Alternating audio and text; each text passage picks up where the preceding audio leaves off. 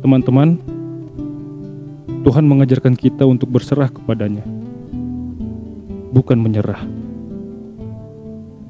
Berserah bukan berarti kita tidak lagi perlu bertanggung jawab.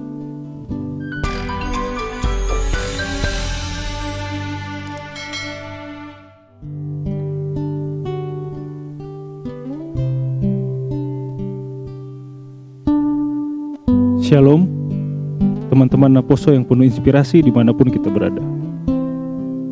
Mari kita bersuka cita hari ini karena kita masih punya Tuhan yang setia menemani kita dalam hal apa pun. Teman-teman, yuk sebelum memulai renungan, aku berikan waktu untuk kita tenangin hati kita dulu dan menjauhkan hal-hal yang bisa mengganggu fokus kita selama renungan.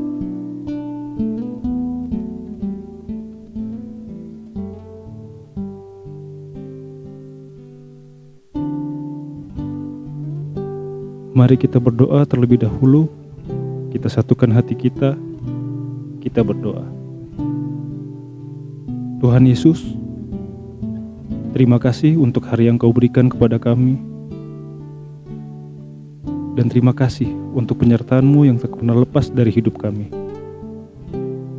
Berkati hati dan pikiran kami ya Tuhan, agar kami mampu memahami firman-Mu serta melaksanakannya dalam hidup kami. Amin. Teman-teman, tema renungan kita hari ini adalah berserah, bukan menyerah. Kita akan membaca firman Tuhan yang tertulis di dalam 1 Petrus 5 ayat 7. Aku akan membacakan untuk kita semua ya teman. 1 Petrus 5 ayat 7. Serahkanlah segala kekhawatiranmu kepadanya, sebab ia yang memelihara kamu. Teman-teman, kira-kira apa sih yang masih menjadi kekhawatiran kita saat ini? Pekerjaankah? Pendidikankah? Kesehatan? Atau mungkin pasangan hidup? Bahkan jangan-jangan semuanya. Wah, banyak juga ya. Berapa nih dari kita yang sering pada akhirnya menjadi takut karena kekhawatiran tersebut? Lalu tanpa sadar, hal itu membuat kita jadi gampang menyerah dalam segala sesuatu. Teman-teman, Tuhan mengajarkan kita untuk berserah kepadanya, bukan menyerah. Berserah bukan berarti kita tidak lagi perlu bertanggung jawab.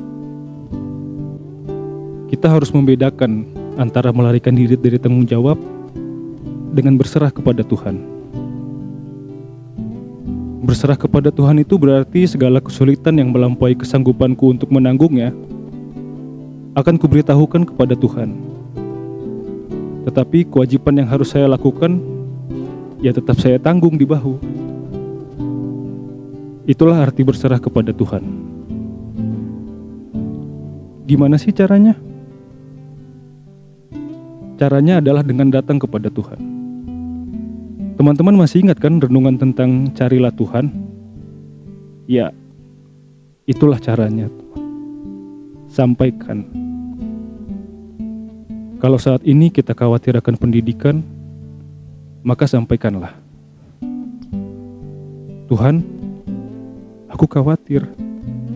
Khawatir kalau aku nggak lulus di PTN, orang tuaku akan marah. Tolong Tuhan, aku akan berusaha semaksimal mungkin.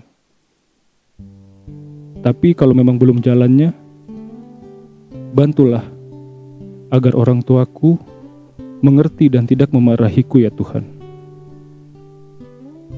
Atau bahkan mungkin teman-teman kita sering berdoanya, Tuhan, luluskanlah aku di PTN. Apakah selama ini kita berdoa hanya untuk meminta? Tapi kita jarang terbuka tentang kekhawatiran kita.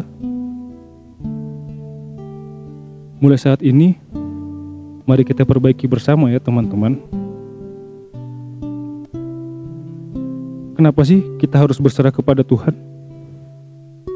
Kenapa enggak yang lain? Jawabannya, karena Tuhanlah yang memelihara kita, bukan yang lain.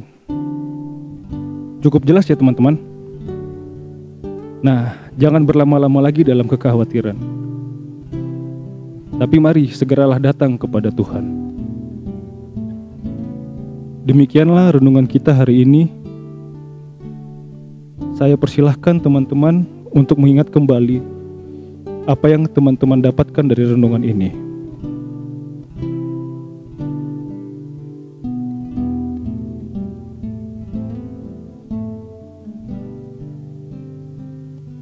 Mari kita bersatu dalam doa.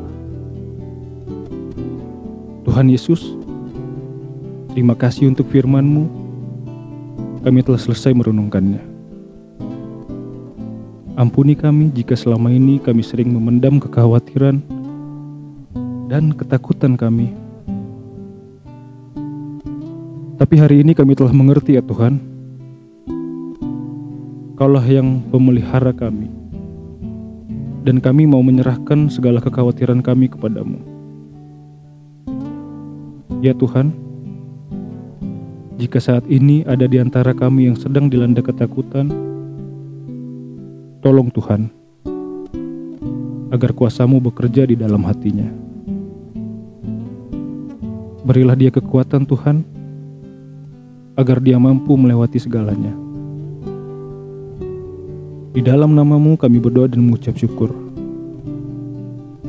Amin. Selamat beraktivitas teman-teman. Tuhan Yesus memberkati kita.